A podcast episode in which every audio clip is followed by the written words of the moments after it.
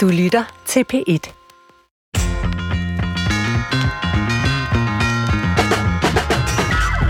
Velkommen til Brinkmanns Brix. Jeg må indrømme, at jeg, ligesom mange andre, følger intenst med, når de store kriminalhistorier udfolder sig. Det er fascinerende på sådan en uhyggelig måde at høre om menneskets skyggeside. Men øh, hvordan bruger man egentlig psykologien i retssystemet? Hos politiet og i fængslerne? Det vil jeg prøve at finde ud af i fire programmer, hvor vi simpelthen går krimi amok. Så fortsættelse følger. Men øh, først så skal jeg lige spørge vores øh, tilretlægger, Christoffer Heide Højer, om du også sad og tjekkede øh, nyhedssiderne konstant, dengang for eksempel ubådssagen udfoldede sig, eller her senest, da den 32-årige mand havde bortført en, øh, en ung pige.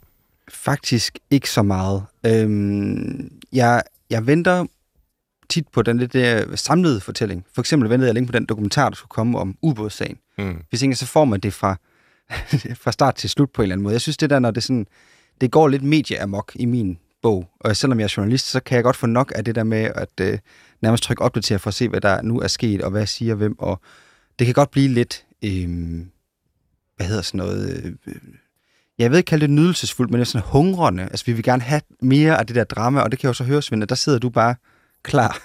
ja, Hvorfor, jo. men hvorfor, hvad er det, der tiltaler? Hvad er det, der sådan er tiltaler, det er i hvert fald ikke nydelsesfuldt. Det er mere det der med, åh, jeg kan simpelthen ikke falde i søvn, før jeg finder ud af, om de har fundet pigen mm. øh, i god behold. Øh, altså, det, det, det, det er sådan et eller andet med, at vi er sådan et lille land, og når der sker noget med nogen, og øh, politiet leder efter vedkommende, eller jager gerningsmanden der, eller, eller hvad det nu er, ikke? Altså, så det, det er ligesom en lille landsby, og der er en, der er forsvundet fra landsbyen, og vi bliver nødt til at blive oppe, indtil den person er fundet.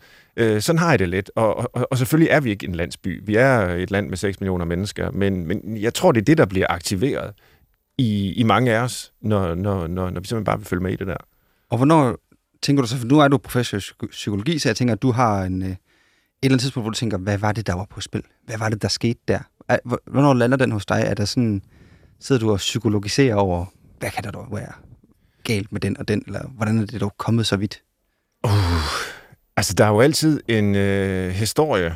Øh, det, det, det synes jeg, man hører igen og igen. Altså, de her øh, monstre, øh, som det ser ud til at være, som er, er forbryderne, jamen, de er jo i virkeligheden ofte nogle øh, tragiske øh, skæbner. Altså, sådan er det jo gerne med psykologi. Når man først har det psykologiske blik, så er det svært at se øh, ondskaben, fordi så er der altid en forklaring, der er altid, måske endda en undskyldning, det er måske øh, for meget sagt, men i hvert fald et eller andet, der gør, at åh, det er lidt svært at se øh, ondskaben øh, fuldt ud, ikke? Altså når der ligesom er en, en, en grund eller en årsag.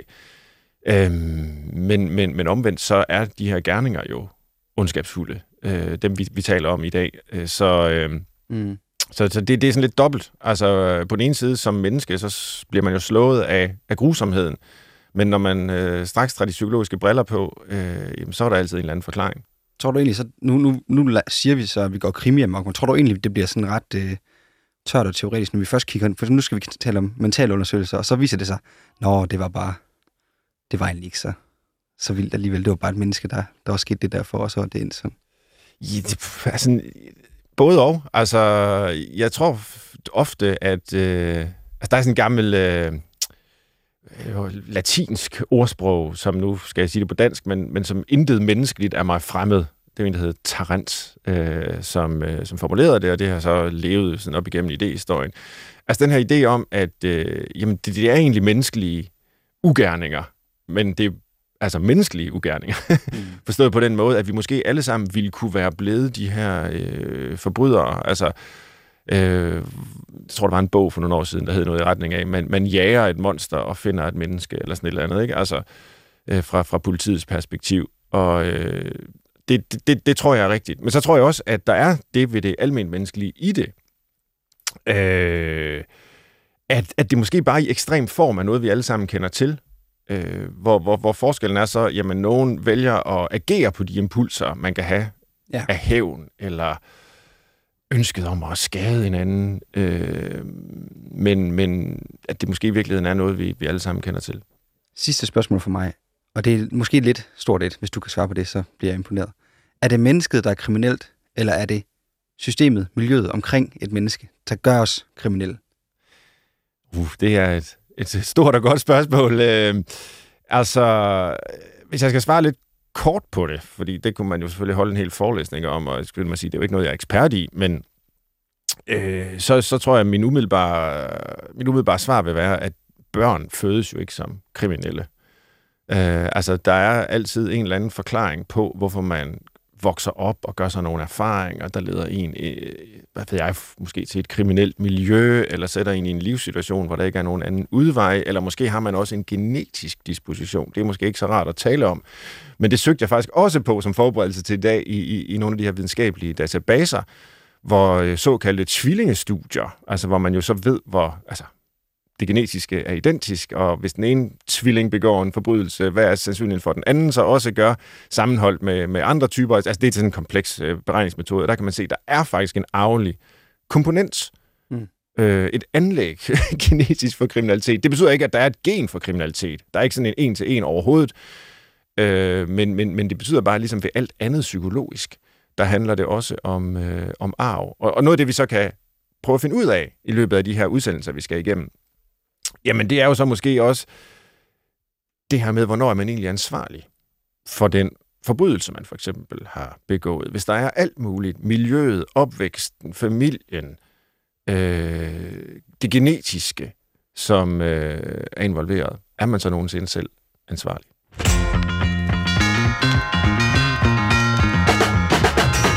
Velkommen til øh, Brinkmanns Brix.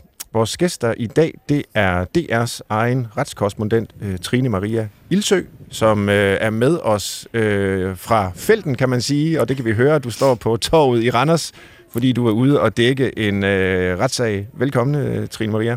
Tak skal I have. Dejligt, du bliver med der fra den skønne by Randers. Og vores anden gæst er ledende overlæge ved Retspsykiatrisk Klinik, som er under Justitsministeriet, Dorte Sestoft. Også velkommen til dig, Dorte. Tak. Og øh, lad mig lige begynde med et kort spørgsmål til dig, øh, Dorte, fordi du har jo stået for utallige mentalundersøgelser, eller mental observationer, har du fortalt, I også kalder dem, af øh, kriminelle.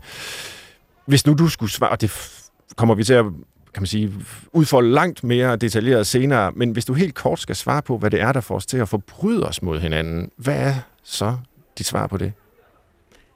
Det er et meget bredt spørgsmål. Ja. Øh, og nu snakkede du før om, øh, det var noget, der kunne ligge i os alle sammen. Og det er jeg måske ikke helt enig i. Mm-hmm. Øh, men, men det kan jeg godt uddybe øh, ja. senere. Det er ikke tilfældigt, øh, hvem det er, der er øh, klientel inde hos os. Nej. Og selvfølgelig kan man genkende, at det er et medmenneske. Vi ser heller ikke et monster, men det er jo fordi, at vi kan godt have empati selvom vores klienter måske ikke har så meget af det. Mm. Så vi kan altid genkende, at det er et medmenneske, der sidder over for os. Ikke desto mindre, så er der rigtig mange af vores klienter, som øh, er personlighedsforstyrret på det ene eller det andet niveau, eller har et misbrug, eller er sindssyge. Så der er mange årsager til, at man kan forbryde sig mod loven. Man kan have været i affekt, man kan være blevet krænket, men der er også masser af mennesker, som er udsat for de samme ting, som reagerer på en anden måde. Ja, og vi skal måske bare lige skynde os at tilføje, altså man kan jo selvfølgelig godt øh, bryde loven, begå en forbrydelse, selvom man ikke har en personlighedsforstyrrelse, eller er sindssyg i gerningsøjeblik. Eller, altså, det har vi jo selvfølgelig et retssystem til, til at afgøre, og i dag der zoomer vi så bare ind på øh, den del af det, øh, der, der handler om øh, ja, for eksempel personlighedsforstyrrelser, eller du nævnte mangel på empati. Vil du sige, det er en af de vigtigste ingredienser, der er involveret, når folk begår sådan nogle forbrydelser her? Det kommer an på, hvad det er for en slags forbrydelse, vi snakker ja. om. Altså, man kan jo godt øh, være en stor svindler, for eksempel, og have masser af empati. Øh, og man kan være sindssyg og lave noget på baggrund af sine psykotiske symptomer, og det er ikke nødvendigvis, fordi man ikke har empati. Så, så der er det korte svar på dit spørgsmål er, der er mange veje til kriminalitet, men det er ikke helt tilfældigt, hvem der havner i det. Mm. Og det skal vi vende tilbage til, hvad det er for noget, der så ikke er helt tilfældigt, og hvad det er, ja. øh, du og dine kolleger gør for at, at hitte øh, redde i, øh, hvad der er med de her mennesker. Men øh, jeg vil spørge dig, Trine Maria, om der er nogle sager, du husker særligt godt, hvor netop den her mentalundersøgelse havde en afgørende rolle at spille? Der synes jeg faktisk, der er flere sager. Mm. Øh, en af dem, det er jo øh, sagen om drabet på Kim Wall mm. hvor Peter Madsen øh, jo blev dømt til livsvarigt fængsel, og hvor der jo også øh, var en mentalerklæring, som spillede en central rolle. Og så også en sag øh, fra Nykøbing Falster, hvor en, øh, en sygeplejerske blev dømt øh, for fire drabsforsøg mod øh, patienter på, på sygehuset, øh, hvor det jo også var en mental erklæring, som, øh, som havde en, en afgørende rolle, og hvor den endda også gik ind og spillede en rolle i forhold til det, som anklagemyndigheden og siden retten mente øh, var en del af motivet. Hvilken rolle var det, den, øh, den spillede der? Det var, at mentalerklæringen sagde, at hun havde en histrionisk personlighedsforstyrrelse. Mm-hmm. Altså det her med at gerne ville skabe opmærksomhed omkring sig selv, havde øh, en udpræget brug for opmærksomhed og bekræftelse. Øh, og hvor det, som jo så øh, blev lagt til grund af retten, det var, at, at hun øh, blandt andet forsøgte at slå de her patienter ihjel, for hun efterfølgende kunne forsøge at genopleve dem, og så få ros, fordi at nu havde hun øh, øh, gjort det arbejde rigtig, rigtig godt, eller havde kæmpet virkelig meget, og den ro, som hun så fik fra lægerne, det var noget af det, der var hendes, hvad skal man sige, drivkraft. Mm. Øhm, og der kan man sige, der gik den ind og spillede en usædvanlig stor rolle. Tit så er det jo noget, øh, der spiller en rolle, når sanktionen skal bestemmes. Altså ja. om en person er egnet til straf, øh, men også i forhold til, hvis der kommer så nogle helt særlige foranstaltninger i spil, som for eksempel øh, forvaring. Og hvordan var det så i det tilfælde, du nævner, hvor øh, gerningspersonen havde en, en histrionisk personlighedsforstyrrelse? Fik det nogen indflydelse på sanktionen? Ikke i den sag. Der, der, hun blev idømt øh, 12 års fængsel og blev fundet egnet til straf. Øhm, men selve mentalerklæringen og hendes personlighedsforstyrrelse var jo noget, som anklageren tog med, hvad skal man sige, hele vejen igennem sagen.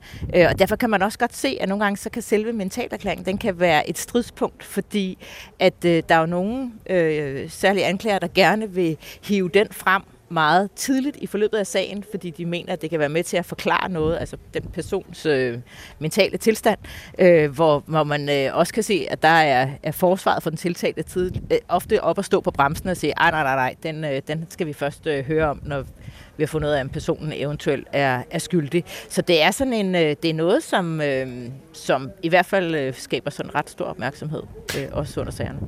Men det er jo egentlig interessant, hvordan den kan indgå i øh, retssagen, fordi øh, det lyder som om, altså hvis anklageren gerne vil have den tidligt ind i sagen, så er det fordi, at anklageren gerne vil bygge en historie, hvor øh, altså der handler om, at den her person er skyldig, den her person er afvigende øh, psykisk set, og, og derfor er der øh, grund til at mene, at personen er skyldig. Ikke? Men, ja, men, men omvendt kan, kan erklæringen vel også øh, have den modsatte virkning. Jeg vil sige, det kan godt være, at personen objektivt øh, gjorde det, men mm. på grund af erklæringen, så er personen ikke egnet til straf, øh, og i den forstand skal personen ikke have en, en ja, skal personen ikke i fængsel, men, men, men der skal ske noget andet. Men, men der deler anklagerne og hele systemet, det er jo op i to dele. Der er en del, der handler om, øh, er personen skyldig eller ej, og så er der den anden del, der er, hvad skal det så koste, hvis ja. man er det, og man så kan, kan straffes eller ej. Hmm. Og man kan sige, at sådan, som sådan, i hvert fald bare ud fra de mange, mange retssager, jeg har dækket, at man kan der hvor anklageren forsøger at få, hvad skal man sige, mental erklæring ind, det er jo særligt i de sager, hvor der måske ikke er nogen direkte beviser i øvrigt for skyld, øh, hvor de så forsøger at få, få nogle af brækkerne til at passe sammen ved at sige, at det passer meget godt ind i forhold til, til den øh, personlighed, mm. som vedkommende har. Så det er måske særligt i de sager, hvor man kan se, at der vil de gerne lige have skubbet den frem, fordi at normalt så er selve skyldspørgsmålet, det er jo ret koldt jure, øh, er, der, er der beviser nok i sagen til, at, øh, at retten øh, i sidste ende kan finde en person skyldig eller ej. Og nu det er det ikke sikkert, at vi skal så, så meget længere ind i de juridiske spidsfindigheder, men det interesserer mig alligevel lidt det her med, hvordan en mental erklæring kan øh, indgå som en, en eller anden form for bevis, eller i hvert fald et indicium, fordi man kan jo øh, godt have en histrionisk personlighedsforstyrrelse, eksempelvis uden at man slår mennesker ihjel. Øh, så, så, så, så hvad er egentlig sådan en erklærings øh, status i en retssag? Kan du Mm, oh, det er jo svært. Det, der er det jo i sidste ende jo altid en konkret vurdering af retten, der skal vurdere det. Ja. Øhm, og jeg vil sige, det er jo heller ikke hovedreglen, at, øh, at en mental erklæring, den sådan får en central rolle øh, i sagen. Altså, det er jo særligt de sager, hvor der ikke er beviser. Hvis du for eksempel tager ubrudssagen og sagen om Peter Madsen, der var mental erklæringen, uanset hvor, hvor farverig den end øh, kunne være, der spillede den jo ikke nogen rolle. Der var jo masser af tekniske beviser i, mm. i den sag, ja. som, som jo i sidste ende gjorde, at, øh, at retten mente, at man kunne kende ham skyldig. Men tit så er det jo øh, dem, som måske også kan forklare, hvorfor folk svarer, som de gør ind i retten, hvorfor de handler, som de gør. Øh, ikke nødvendigvis at kunne forsvare det, men i hvert fald øh, kunne forklare det. Øh, og, og der, øh, øh der, det er i hvert fald sådan, at man kan se, at det er nogen, som øh, man godt kan forstå nogle gange, at retten, eller i hvert fald forsvaret, gerne vil have, bliver holdt lidt tilbage, fordi at det jo også kan være med til at påvirke nævningene eller domsmændene i begyndelsen af en sag, fordi du jo ret beset på det tidspunkt alene skal kigge sådan helt koldt og kynisk på de beviser, som der nu engang mm. er. Set. Ja. Lige om det, så vil jeg gerne høre uh, Dorte om, uh, altså, hvordan de her mentale undersøgelser konkret uh, foregår. Men uh, Trine Maria, jeg kunne tænke mig bare lige at spørge dig, nu du fortæller om alle de her ting, altså hvordan i alverden ender man med at beskæftige sig med det her stofområde? Øh, altså, det, er, det, er det ikke... Øh, det, det, det må på en måde være lidt øh, svært også øh, at, at sidde i retten og høre de her historier blive udfoldet, og det, det er jo bogstaveligt talt liv og død. Hvad er det, der drager? Åh, oh, ja, for mig så er det sådan en... Øh, altså, jeg, hver gang jeg har forsøgt at komme væk fra det her stofområde, så kan jeg mærke, at jeg sådan bliver suget ind i det igen. For mig så er det både sådan, hvad skal man sige, de retspolitiske ting i det, men jo også øh, selve det her, hvor det handler om blå blink. Men, men mest af alt, når jeg sidder inde i retten, så er det jo skæbner, der bliver afgjort. Mm. Altså, der, er, der kan jo sidde pårørende til forurettet, som kan sidde derinde og er dybt berørt. Øh, der kan sidde øh, også pårørende til de tiltalte, som, øh, som er havnet i en, øh, i en en øh, situation, hvor, hvor en af deres øh, har begået noget, som er fuldstændig forfærdeligt. Øhm, og så for mig, så er det jo, altså jeg er meget bevidst om, at det er jo meget, meget tunge ting, man sidder og ser. Man ser jo... Øh, jo særligt, når det er drabsager, eller øh, voldtægtssager, eller øh, i det hele taget sager om personfarlig kriminalitet. Og jeg har det også sådan, at øh, den dag, hvor det holder op med at påvirke mig, det jeg ser derinde, så skal jeg ikke lave det. Mm. Øh, så, så jeg kan også godt mærke, at nogle gange, når jeg kommer hjem for de her sager, og så synes jeg sådan, særligt det her forår har været, så kan man simpelthen mærke, at, øh, at nogle gange så er, er glasset fyldt, og så skal man lige, lige have det lettet. Ja. Dorte, så kan jeg begynde med at spørge dig om det samme. Altså, hvordan er du endt med at beskæftige dig med de her mørke sider af, af, af det menneskelige? Da jeg var student, så ville jeg egentlig læse litteratur. Øh, men efter nogle overvejelser, så tænkte jeg, at øh, jeg vil hellere være læge og beskæftige mig med den virkelige virkelighed, og så kan man jo altid læse bøgerne. Øh, det er der ikke nogen, der kan tage fra en. Og så besluttede jeg mig til at blive psykiater, og undervejs i min uddannelse på et tidligt tidspunkt blev jeg spurgt, om jeg ville være med i en stor undersøgelse om effekten af isolationsfængsling. Øh, det var et forskningsprojekt, som kørte over flere år og finansieret af det offentlige. Det var Folketinget, der gerne ville have et svar på det her. Og øh, der kom jeg så ind i retspsykiatrien, og øh, parallelt med min almindelige psykiatriske uddannelse, så har de så forfulgt mig, kan man sige, i anførselstegn siden, øh, på den led, at jeg hele tiden er vendt tilbage til det. Begyndt at skrive mentalerklæringer som bidjob, samtidig med, at jeg var almindelig psykiater på en almindelig afdeling. Og så på et tidspunkt skal jeg beslutte mig til, skal det være den almindelige vej udelukkende, eller skal jeg tage øh, retspsykiatri som primært? Øh, og øh, så har jeg været øh, overlæge i retspsykiatrien siden 2008, og ledende overlæge øh, siden 2011. Mm-hmm. Og det her med mentalundersøgelserne, som jo er dagens tema, hvad, nu fik vi det før fra øh, Trine Maria Ildsøs perspektiv, som er det journalistiske, som dækker de her historier og, og fortæller om det. Men du som laver dem, altså hvad er egentlig øh, begrundelsen indefra, øh, for at vi skal have dem? Hvor, hvorfor, hvorfor, hvad, hvad har vi dem for? Jeg vil starte med at sige, at jeg egentlig ville være gladest, hvis man først lavede mentalundersøgelsen, når personen var fundet skyldig, altså efter dom, og så havde det som en del af foranstaltnings-sanktionsspørgsmålet. Fordi øh, det er jo i den kontekst, mentalerklæringerne både bliver, øh, hvad kan man sige, rekvireret, men jo også bliver lavet. Øh, og øh, mentalerklæringerne har et fuldstændig specifikt formål. Den spiller op øh, erklæringen med straffeloven, og der gælder det om at finde ud af, om en person øh, på gerningstiden var sindssyg. Og hvis man var sindssyg på gerningstiden, så vil man ofte være under det, der hedder paragraf 16, som er beskrevet i straffeloven. Og så vil man, fordi man var uterrenende på grund af sindssyg, være straffri. Så sådan set, når vi skal ind til benet, handler det ikke om at være egnet til straf.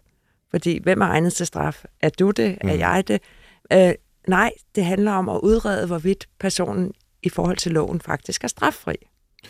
Men vi hørte jo fra Trine Maria før, at det i hvert fald i nogle tilfælde også bliver brugt øh, tidligere. Øh, netop det her med at bygge en sag, øh, fortælle en historie om, at den her person sandsynligvis er skyldig, blandt andet på grund af noget med vedkommende psykisk konstitution. Ja, og det vil vi jo sådan set, altså, det, det er ikke med det en mente, at vi skriver sagen. Vi Nej. tænker, at øh, den kolde jura øh, må stå for sig selv. Det afgør skyldspørgsmålet. Præcis. Ja. Øh, og så kan det godt være, at man får en større forståelse for motivationen efterfølgende. Men, men øh, det er jo ikke ualmindeligt at have en forstyrrelse af personlighedsstrukturen. Og man kan jo både være sindssyg og personlighedsforstyrret uden at være kriminel.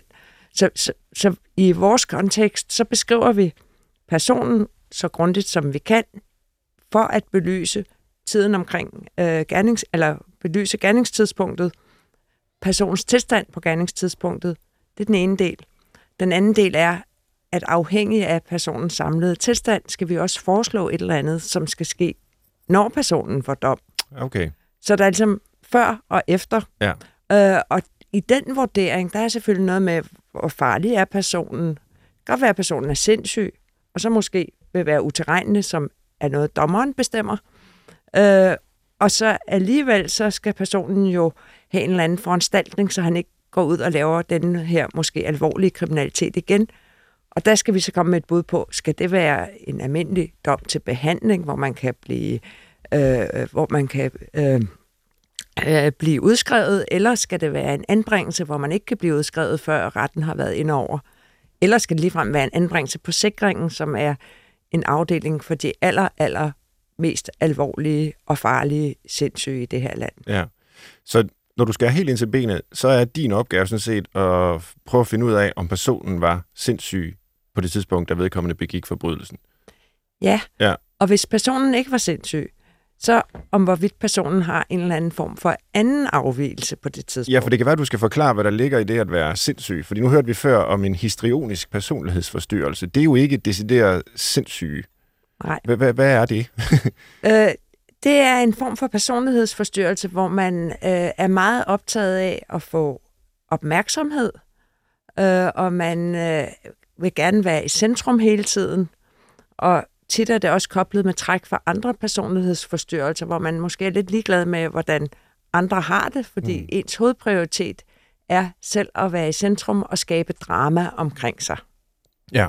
Så der er ikke nogen sådan forvrænget virkelighedsopfattelse, for eksempel, øh, Næh. forstand, når man har en personlighedsforstyrrelse der. Men, men det er der, når man er sindssyg, eller hvordan? Ja, det, der man snakker om, altså den helt korte øh, definition, det er, at man har en øh, lederet realitetstestning. Ja. Og, og det betyder, at øh, når man ligesom skal se, hvordan er virkeligheden omkring mig, så har vi jo alle sammen nogle pejlemærker for lige at se, er vi vågne eller hvad. Øh, og realitetstestningen er så øh, gået galt måske, hvis man er sindssyg. Mm. Det kan være, at man mistolker øh, alting som tegn på, at man bliver forfulgt. Det kan være, at man hører lyde, der ikke er der, og så kigger man sig omkring, og der er ikke nogen, men så er man alligevel sikker på, at, øh, at der faktisk er nogle stemmer måske, som øh, skyldes måske, at man har en chip ind øh, i sin hjerne, eller at der bliver sendt via en politiradio. Det er bare eksempler. Men man, realitetstestningen er altså lederet, sådan så ens virkelighedsopfattelse er anderledes. Ens tænkning kan være anderledes. Det kan ligefrem være sådan, at ens tænkning er ren ordsalat i de ekstreme tilfælde. Og det er jo alt sammen på baggrund af en hjernesygdom, eller flere forskellige typer. Men, men øh, der er forskel på at være øh, sindssyg øh, og personlighedsforstyrret, for personlighedsforstyrret vil tit være noget, som er startet tidligt i ens liv. Der har været tegn. Det er et træk, man har, som udvikler sig, og som er ret gennemgribende i hele ens øh, liv. Men man er ikke sindssyg. Nej. Og øh, hvordan finder du så ud af, om man var sindssyg i gerningsøjeblikket? Øh, ja, øh, det gør vi øh, ved at lave en grundig undersøgelse. Og øh, det her er jo ikke øh, sundhedsdata, vi kommer øh, frem til. Det er et, øh, en erklæring til retten, øh, faktisk en, en slags bevismateriale, hvor vi oversætter personens tilstand til brug for retten, så juristerne kan forstå, hvad det drejer sig om. Altså sådan et fagligt grundigt, øh, en faglig grundig vurdering. Øhm, og hos os, der starter vi med at få sagen ind. Øh, så øh, vores sagsbehandlere, de resumerer tidligere kriminalitet og aktuelle kriminalitet, øh, og beskriver lige kort en indledning. Så, kommer, så bliver der sat et team på, som består af sagsbehandleren og en socialrådgiver, øh, en psykiater, øh, nogle gange flere, afhængig af sagens karakter. Og undervejs afgør vi, om der skal også en psykologisk undersøgelse på, øh, afhængig af, hvad for nogle spørgsmål, der kunne være rejst omkring sagen, og også hvad vi selv finder ud af selvfølgelig. Mm. Så det lyder meget omfattende, som om der er altså, flere fagligheder, både psykiateren og psykologen, og flere test og hele en afdækning. Altså, hvor, hvor lang tid tager det at lave sådan en øh, undersøgelse? Ja, altså hvis det gik som det skulle, så skulle der helst ikke gå mere end 6-8 uger. Personerne er jo ikke indlagt ind hos os, så Nej. det er øh, igennem en række samtaler. Øh, og så kan der være den ene eller den anden grund til, at det trækker længere ud, hvis en person er på fri fod og ikke møder op. Øh, det kan være, at der er et personale hos os, som, som øh, eller en vakant stilling, eller et eller andet. Altså, hvad kan man sige, forhindringer, som alle kender. Men, men øh, vi tilstræber at gøre det så hurtigt som muligt. Og vi prioriterer selvfølgelig arrestantsagerne, altså hvor folk er frihedsberøvet, for eksempel varetægtsfængslet i forbindelse med sagen. Mm. Er det noget med, Trine Maria Ilsø, at du har prøvet nogle af de her øh, ja, test og spørgsmål selv? Det har jeg. Øh, I forbindelse med, øh, jeg har været på et program, der hedder Kriminel på DR1, der, øh, der lavede vi netop øh, et program om det her med at være for syg til straf. Mm. Øh, og, øh, og så fik jeg simpelthen lov til at øh, selv prøve både nogle af øvelserne, men også øh, en psykologisk samtale. Øh, og jeg vil sige, for det første så, øh, jeg er ikke særlig visuel, det kan jeg lige så godt øh, indrømme med det samme, men, men altså, jeg vil faktisk sige, at jeg synes, det var svært. Altså jeg ved godt, øh, hvad, hvad det er, man ser, hvad det er, man ikke ser. Øhm, og så vil jeg sige, den psykologiske samtale, nu sad jeg måske også og holdt øh, bevidst nogle af sådan tingene lidt tilbage, fordi at jeg var også meget bevidst om, at jeg både var en fotograf og en tilrettelægger til stede, og det er måske ikke hele mit privatliv, jeg har lyst til, at andre mennesker sådan, Nej. mine kolleger ved. Men, men hvor jeg godt kunne mærke, at hver gang jeg sådan ved udenom, så kunne jeg bare se, at der bare blev nikket på den anden side og sagde, nå, så det siger du. øhm, og hvor jeg så ind med at, at fortælle det hele, og så øh, på vej hjem i bilen lige måtte sige, der var måske nogle af tingene, jeg gerne ville have blev slettet, inden det røg i mediearkivet. øhm, fordi det er jo ikke, at jeg har et særligt øh, øh, omsværmende og, og vildt øh, privatliv, men alligevel så er det måske ikke alt, man har lyst til, at folk ved. Men jeg vil bare sige, at jeg kunne i hvert fald mærke, at jeg gik derfra, og den der måde med, at man jo kan mærke, at jeg blev vurderet. Ja. Selvom det her var, var jo bare over en dag, og hvor jeg fik lov til at gennemgå nogle af de her øvelser. Øh, øh, jeg, jeg kunne mærke, da jeg tog derfra bare den der ene dag, der var jeg helt færdig. Ja. Altså, øh, Øhm, du sagde, at du ikke var særlig visuel. Er det fordi, at du var udsat for sådan en, øh, en Rorschach-test? Yes, øh, ja. det var jeg.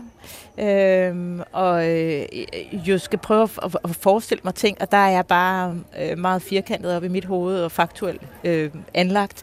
Øh, så det, kunne jeg, altså det, det voldte mig øh, virkelig store problemer. Ja. Øh, og der var også nogle af de der øvelser, hvor du skal sætte ting sammen, hvor... Øh, hvor jeg skulle nok var lidt i den tunge ende, hvis jeg skal være ærlig.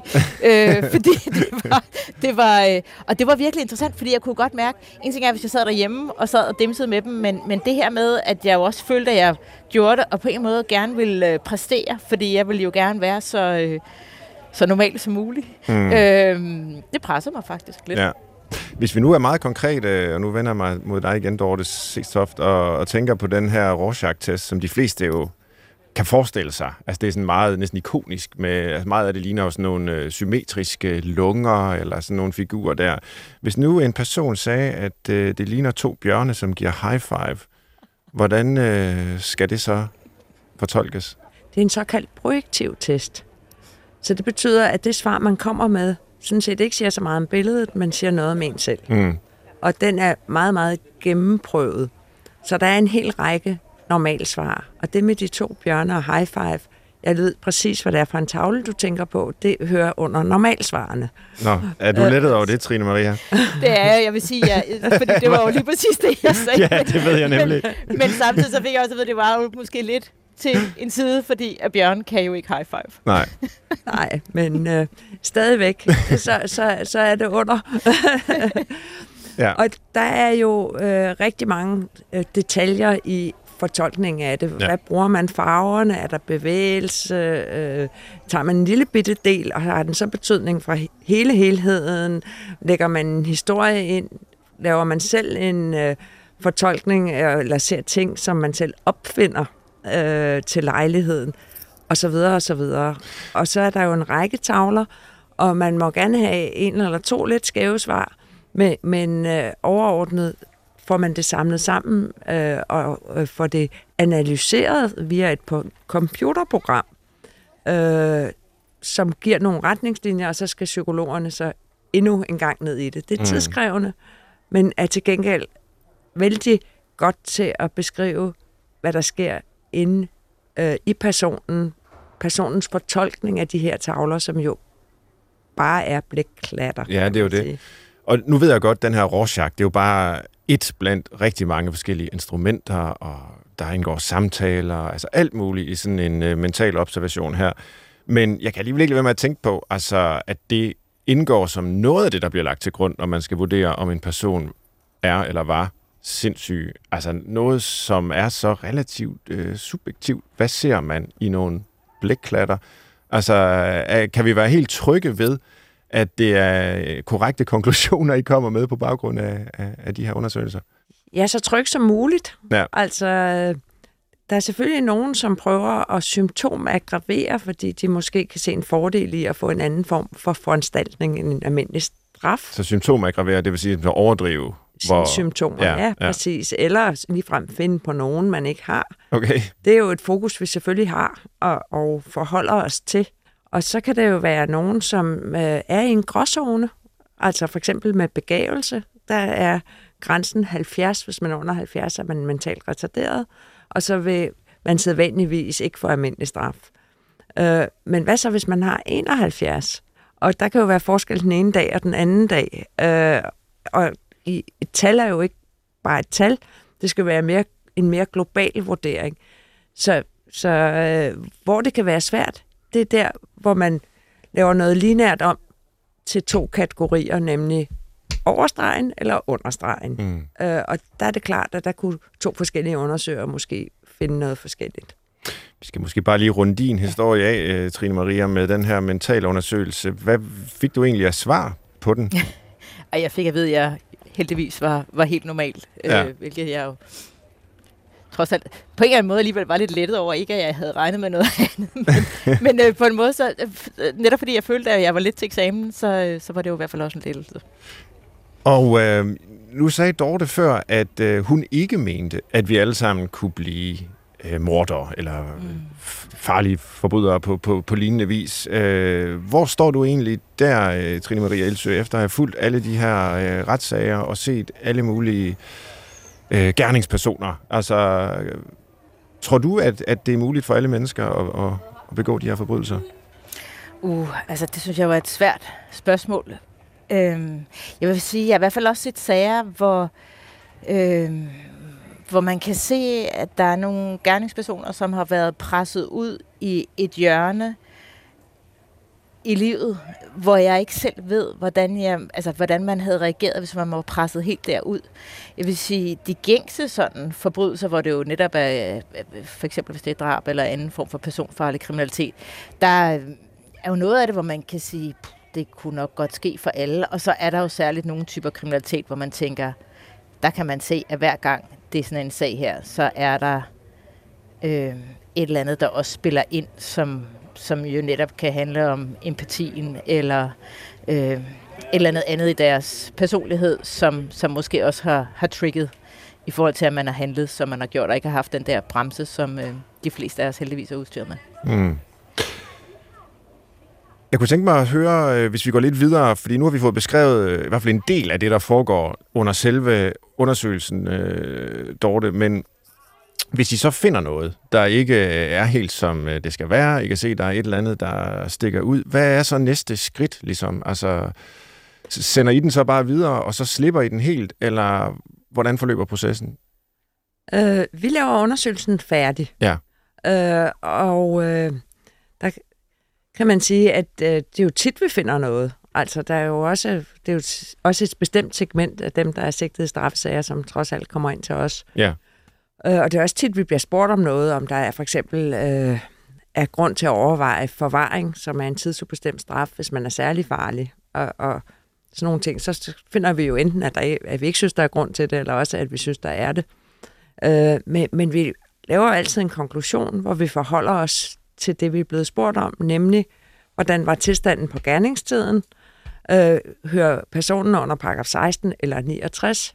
69, det er dem, der ikke er psykotiske, men afvigende på en anden måde. Sidste mulighed er jo ingenting, som er sådan, som de fleste mennesker er.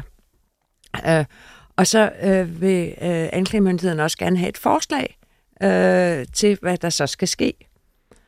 Og loven er sådan, at hvis man er afvigende, men ikke sindssyg, så øh, er der mulighed for, at man kan få en eller anden form for behandling i stedet for straf, mm. hvis det er formålstjenligt i forhold til at forebygge ny kriminalitet. Så det skal vi også forholde os til. Det er rigtig tit, at vi ikke kan finde nogen behandling, der er formålstjenlig, og så anbefaler vi jo, eller vi kan ikke komme med nogen anbefaling i stedet for almindelig straf, øh, som er mere formålstjenlig. Men lige det må jo virkelig være et vigtigt punkt for, for de mennesker, der er involveret. Ja, ja. Altså. Øh, og, og, øh, og, og, og det er det. Og for eksempel den her histrione personlighedsforstyrrelse, øh, det er det, vi kalder en paragraf 69-tilstand. Altså, man er ikke sindssyg, men man er afvindet på en anden måde. Men man er ikke straffri, og vi kan ikke forestille os, at der er intet, der tyder på, at en behandling vil være formålstjenlig for at forhindre øh, lignende kriminalitet i fremtiden. Det udelukker jo ikke, at man kan få en eller anden form for behandling i kriminalforsorgens regi, men, men, men øh, vi kan bare ikke anbefale behandling i stedet for almindelig straf, fordi vi finder det mere formålstjenligt, eller der er ikke noget, der tyder på det. Mm. Det er jo dommeren, der bestemmer i sidste ende. Er I så også involveret, når øh, der skal tages stilling til, og, øh, altså når personer er i forvaring eksempelvis, og der skal tages stilling til, om de, ja, så at sige, er blevet raske. Hvis nu de har været sindssyge, og de har været meget farlige, og samfundet så skal tage stilling til, tør vi at få dem ud i det almindelige liv igen? Er, er det også jeres spor? Altså, det er ikke direkte vores spor. Man kan sige, at dem, der sidder i forvaring, de er ikke sindssyge sædvanligvis. De vil så være anbragt, hvis de var meget farlige på sikringen. Ja, okay. Ja. Men forvaring, det er øh, rigtig farlige kriminelle, der ikke er sindssyge. Mm. Øh, hvor man tænker, man bliver nødt til at bruge forvaring for at forhindre, at de laver ny farlig kriminalitet. Og så på et eller andet tidspunkt, så øh, kan man så øh, bede om at få forvaringen løsnet på den ene eller den anden måde, prøveløsladelse osv. Men det ligger i Kriminalforsorgens regi. Men de undersøger dem selvfølgelig også. Øh, og så er, er, der er det den samme type undersøgelse, altså, som dengang de kom ind, når de så skal eventuelt ud igen? Den er mere fokuseret kun på farlighed. Ja. Fordi hvis der okay. kommer en ind, hvor der bliver spurgt om forvaring, så undersøger vi selvfølgelig også, om personen er sindssyg. Så er det jo et andet spor, sædvanligvis, end forvaring. Ja. Øh, så, så det er en del af vores standardundersøgelse. Sindssyg, ikke sindssyg på gerningstiden. Og hvis man er sindssyg, hvad skal der så ske, hvis man ikke er sindssyg? Kan behandling så være bedre end almindelig straf? Og tit er det det ikke altså i forhold mm. til at forebygge kriminalitet i fremtiden. Det er jo ikke sådan, at man ikke kan blive behandlet, selvom man ikke får dom til det. Altså, øh. Nej. Har du nogen fornemmelse af, hvor altså, muligheden for at snyde jer, hvor stor den er? Øh, altså nu var vi lidt inde på Trine Marias eksempel med at se de her to bjørne give high five til hinanden. Ja. Altså enhver kan jo lytte til det her program og sige, om hvis jeg bare siger det, øh, så er det inden for de normale svar. Og i princippet kan man jo slå op på internettet. Øh, man kan jo ikke google alle de her Rorschach-tavler og øh, de andre tester osv., men man kan måske godt få en fornemmelse af, hvad er det, jeg skal svare for henholdsvis at måske fremstå normal, eller det modsatte, hvis det er det, man ønsker. Det var du selv inde på før. Altså, kan I blive snydt? Det er det, jeg spørger om. Det er jo svært at sige ja. 100% nej til. Altså, jeg har faktisk et konkret eksempel, hvor der kom en efter nogle år igen og forklarede, at nu ville han lægge kortene på bordet, og han havde snydt fra A til Z, øh, da han var der første gang. Okay. Nå, så var der så sket det, at han så havde fået en dom til en eller anden form for behandling. Øh, og det var heller ikke lige det, han havde forestillet sig, for det var jo meget mere restriktivt, end han nogensinde havde tænkt sig. og, og der har også været eksempler op i pressen øh, på nogen, som har snydt med IQ, og så er havnet på Kofods Minde, som er det sted for de farligste, som lider af mental retardering, altså de aller, aller dårligst begavede og farlige. Og det er jo heller ikke noget sjovt sted at sidde, hvis man ikke er mentalt retarderet. Altså, øh, men men øh, vi har et fokus på det, og vi har særlig behandling, eller hvad hedder det, særlig udredning øh, med henblik på fokus på netop symptom, snød, at ja. man finder på symptomer, eller man overdriver symptomer. Ja. Øh, og det er selvfølgelig ting, jeg ikke kan komme nærmere ind på. Ja.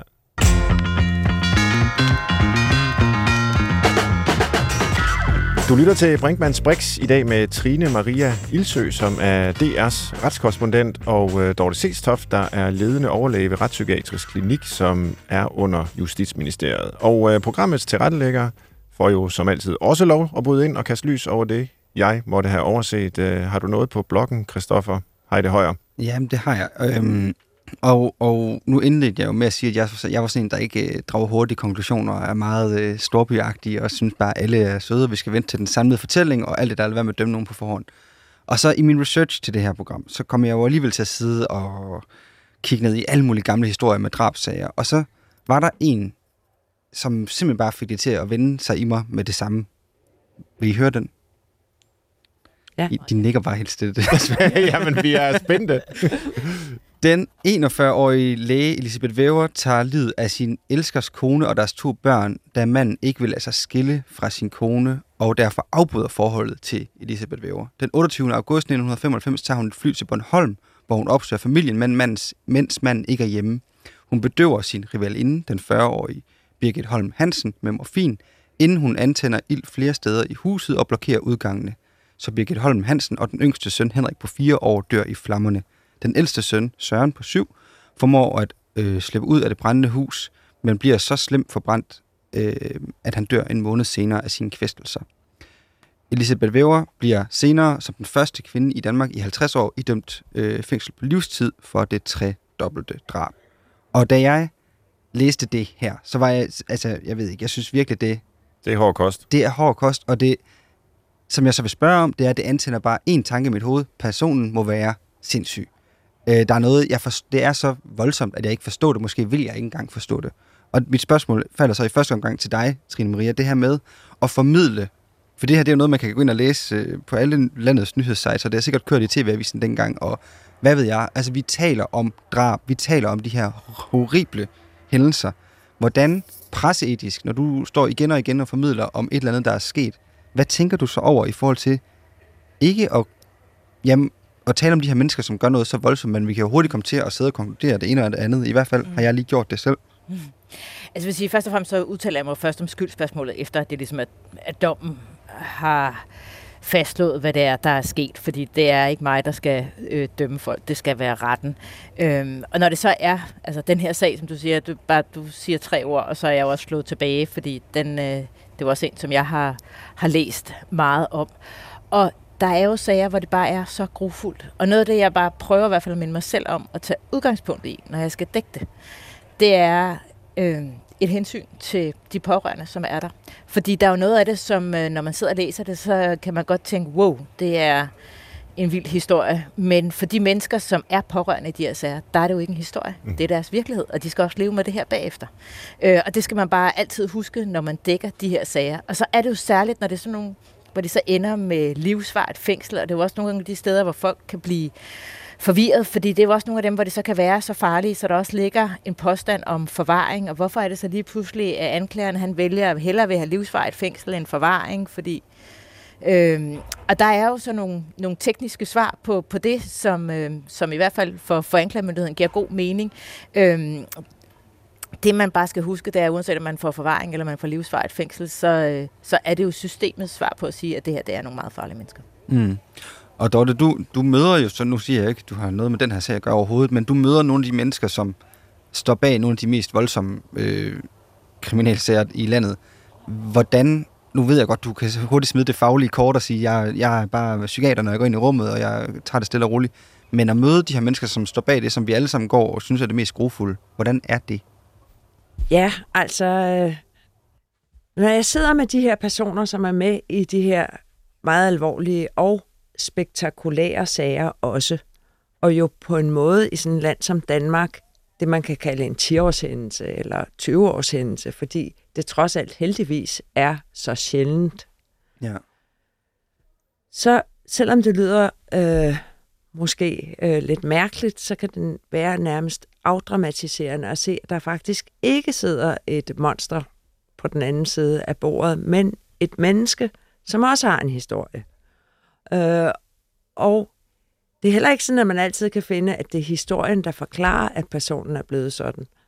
Øh, men ikke desto mindre er det en anden person, øh, som man jo selvfølgelig kan snakke med og, og få en fornemmelse af den her anden person. Det har tit slået mig, at de personer, der har lavet det mest, hvad skal vi sige, set udefra, ondskabsfulde, Ja. ikke selv overhovedet føler sig onde. Det er virkelig mærkeligt.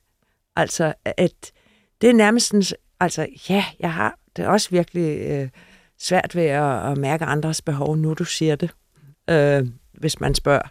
Okay. Øh, men, men, men det er ikke sådan noget, man er flov over, eller tænker er helt forfærdeligt. Man, øh, i hvert fald nogle af de gange, hvor jeg har været med, er, er på en eller anden måde ret så upåvirket over de der helt forfærdelige ting, som personen er sigtet for. Øh, næsten glad og fro, kan man sige, hvor almindelige mennesker vil, hvis de af en eller anden grund var kommet til at lave et eller andet helt forfærdeligt, jo være fulde af skam og selvbebrejdelser og, og øh, triste. Mm. Øh, så det korte og det lange, det er, at de her sager, ja, der sidder et menneske, men de viser sig ofte at være svært personlighedsforstyrret. Og også på den lange bane super farlige. Mm. Øh, og det skal der selvfølgelig tages hånd om. Det er ikke fordi, vi siger, at kriminaliteten er så spektakulær, at personen må være personlighedsforstyrret, når personen ikke er sindssyg. Nej, det er den anden vej rundt, hvor det faktisk viser sig, at pengene passer med alle de test, vi laver. Øh, så vi har fat i ekstremerne, kan man sige, med de her sager. Og så kunne jeg godt tænke mig, nu har jeg jo så en psykiater og en psykolog her foran mig. Jeg vil bare lige hurtigt spørge, nu når jeg har en halvandet år derhjemme, og så tænker jeg, hvordan undgår jeg, at han en eller anden dag vokser op og gør noget forfærdeligt? Er der et eller andet, for du siger det godt nok, der er noget historik, og det, det, der, men man, man kunne nok godt øh, allerede sætte nogle sandsynligheder på, og ens børn, er det, har forældrene gjort noget af det, men hvis man sådan, bare lige for at være rigtig provokerende spørger, hvordan undgår man, at ens børn bliver mordere? Ja, der vil jeg sige, at sandsynligheden er på din side, fordi det er jo heldigvis i det her land ekstremt sjældent, at der er nogen, der slår nogle andre ihjel. Vi har en af de laveste drabsretter i verden, og de allerfleste drab er jo sådan nogle, i nogle øh, hvad kan man sige, anspændte relationelle sammenhænge, eller banderelaterede. Så, så det, det er jo en anden type, kan man sige, men de meget redselsfulde, spektakulære sager, det er ekstremt sjældent. Hvad siger du, Svend? Skal jeg læne mig tilbage og stole på statistikken? Ja, det, det tror jeg du godt, du kan. Og måske først og fremmest lade være med at begå nogle alvorlige forbrydelser selv. Ja. Øh, og, og, og hvis du gør det, så hold det skjult for ham. så han ikke bliver inspireret. Uh, det, det er selvfølgelig en, en, en skør måde at, at sige det på, men altså i mine tanker, jeg kredser stadigvæk lidt uh, om det øh, spørgsmål, jeg stillede dig, Dorte, tidligt, det her med, kunne det være os alle sammen, og du svarede nej. Uh, kunne det være vores børn, og det kunne det nok ikke øh, af forskellige statistiske grunde og sådan. Men jeg tænkte jo alligevel på, altså om, om omstændighederne ikke betyder meget. Altså, vi, har, vi så jo for årtier siden, der var, ja det er der så igen jo, krig i Europa, men altså Nazi-Tyskland, var sådan relativt almindelige familiefædre pludselig var øh, ikke bare soldater i krig, men måske også vagter i lejre og gjorde horrible ting. Der er socialpsykologiske eksperimenter, der i hvert fald sandsynliggør, at almindelige mennesker under forfærdelige vilkår vil kunne gøre forfærdelige ting. Er, er det slet ikke noget, øh, der Jo. du, du, du lægger til grund for, for det? Eller? Jo, men de her øh, drab, vi snakker om, Ja. de er jo ikke udført i sådan nogle forfærdelige scenarier, og det er jo det er jo det. fuldstændig vigtigt. Ja. Det er klart, at hvis der er nogen, der gør noget ved ens børn eller sådan noget, så, Ja. ja. så er vi jo alle sammen klar til at gøre hvad som helst øh, for at beskytte dem. Og, og det, I de ekstreme scenarier, det, det er bare en anden snak. Ja, okay. Hvis nu ens, ens partner opfører sig helt forfærdeligt redselsfuldt, og måske ovenikøbet har forelsket sig i en anden og snydt og bedraget en i overvis, så er der andre muligheder end at slå ham hende ihjel. Mm. Man kunne for eksempel sige, det var ærgerligt, og det var måske virkelig ærgerligt og hårdt, men man øh, er jo selv ansvarlig for at trække sig og så måske starte øh, på en frisk en anden vej. Mm.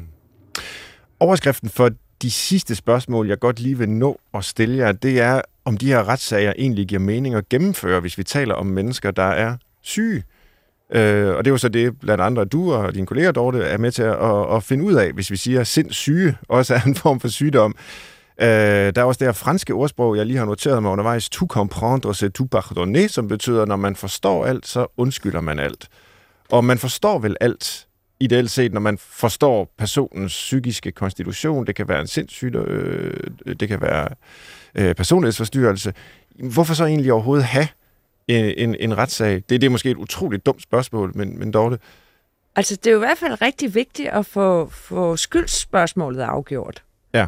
Øh, og øh, når det så er afgjort, så skal man jo enten komme med en straf, øh, og i de alvorlige sager, øh, forvaring kan være en mulighed, hvis personen ikke var sindssyg, øh, eller det kan være livsvarigt fængsel, og det kan også være 12 år og 16 år.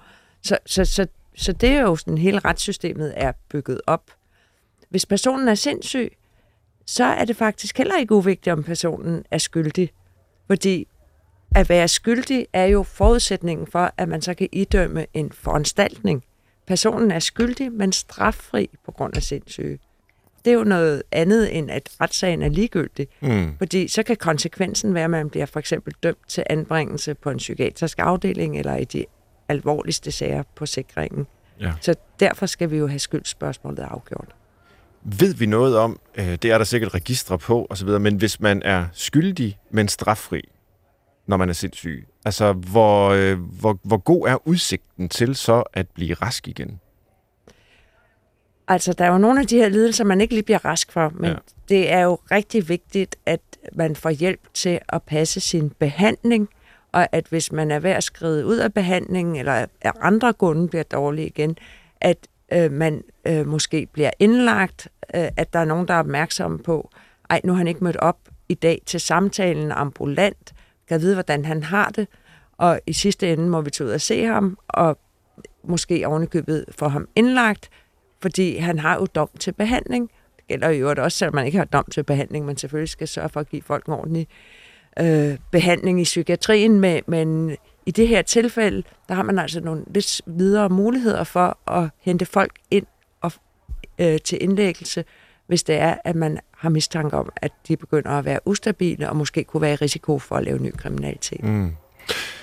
Og som et af de afsluttende spørgsmål, øh, Trine Marie Elsø, så kunne jeg tænke mig at spørge dig, og jeg ved ikke, om du vil svare på det, fordi det er jo ikke noget, en journalist normalt bliver bedt om at forholde sig til sådan normativt, men i og med, at du følger alle de her sager, og du ved, hvad mentalundersøgelser er, du har selv prøvet øh, dele af det, hvor stor tiltro vil du sige, vi kan have til, at systemet faktisk fungerer, at vi finder ud af, om folk reelt øh, er sindssyge, er personlighedsforstyrret, er øh, strafegnet, Øhm, ja, kort sagt, kan vi stole på, at det fungerer, det øh, væsen her, vi har skabt?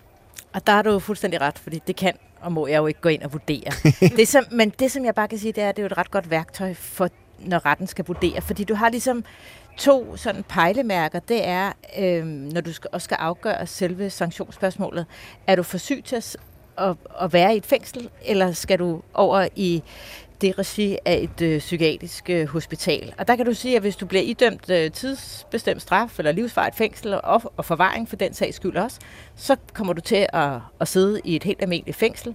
Men hvis du er noget af det andet, så handler det om, at du kan komme på en psykiatrisk afdeling. Og der kan du se, i forhold til det, der bruger retterne jo det jo som en, en rettesnor. Fordi der er rigtig mange af dem, som, øh, som bliver dømt, som på den ene eller anden måde øh, afviger et eller andet, øh, en eller anden grad. Men, men der bliver det jo også brugt som en en pejling i forhold til, om man mener, at de overhovedet kan være egnet til at sidde inde i et fængsel. Mm. Øh, eller om de virkelig hører til øh, på et psykiatrisk hospital i stedet for. Og her taler jeg jo ikke om de allerfarligste af dem, der er sindssyge, men, men alle dem ind imellem, som jo stadigvæk godt kan være for syge til at sidde i et fængsel.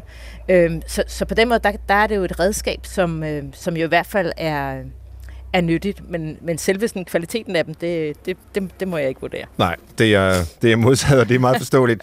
Lad os så slutte af med programmets øh, liste, og nu øh, har vi jo zoomet ind på mentalundersøgelsen, så lad os øh, fortsat, øh, fortsætte med det. Kan I formulere tre gode grunde til at blive øh, mentalt undersøgt? Og nu øh, taler vi ikke om, at det har den her funktion i, øh, i retspraksis, men øh, var det noget, vi alle sammen kunne lære noget af, eller hvordan? Øh, Trine Maria, du har jo prøvet det, så er det noget, du vil anbefale nu? For folk, de går i psykoterapi, øh, de gør alt muligt. Kunne man også men, gå til mental undersøgelse? Altså, hvis man gerne vil lære lidt mere om sig selv. Øh, det foregår lidt anderledes nu. Jeg var ikke bange for at gå til psykolog. Jeg tager også nogle gange debriefinger på nogle af de her meget, meget voldsomme sager, som jeg, som jeg dækker. Ja. Øh, og der vil jeg sige, der får jeg jo noget tilbage. Her, der kan jeg godt se, at når det var i det her regi, så var det faktisk mere mig, der skulle aflevere noget. Mm. Øh, så måske så, øh, så går den ikke, hvad skal man sige... Øh, målet er jo ikke at hjælpe mig. Målet er at, øh, at afsøge, hvem jeg er. Øh, så jeg ved ikke... Øh, jeg vil hellere sige, at man skal gå til en almindelig psykolog, øh, hvis, øh, hvis man gerne vil arbejde med sig selv, end, øh, end at få en mental undersøgelse. Ja, så ingen anbefaling herfra. Hvad, hvad med dig, Dorte, som den, der udfører undersøgelserne? Jeg vil sige, at hvis, man ikke, hvis det ikke er en del af en straffesag, så er det nærmest spild af tid. Okay. Og så er den lagt ned. vi kan ikke anbefale det. Også vores tid. Der er simpelthen ikke gode grunde til at blive mentalt undersøgt. Andre end de grunde, som systemet øh, har, når vi skal finde ud af, om personen for eksempel var sindssyg i gerningsøjeblikket. Tak for at oplyse os om øh, alt dette, både DR's egen øh, retskorrespondent øh, Trine, Trine Maria Ilsø med fra Randers. Øh, tusind tak, fordi du tog dig tid til det i en travl øh, arbejdsdag. Velbekomme. Og også en stor tak til øh, ledende overlæge på øh, Retspsykiatrisk Klinik under Justitsministeriet, Dorte Sestoft. Til retlægger Christoffer Heide Højer og jeg vender tilbage om en uge med mere krimistof. Vi skal tale om vidnepsykologi, for kan vi overhovedet stole på hukommelsen hos et vidne? Det prøver vi at finde ud af, så jeg håber, vi høres ved. Tak for i dag. Gå på opdagelse i alle DR's podcast og radioprogrammer. I appen DR Lyd.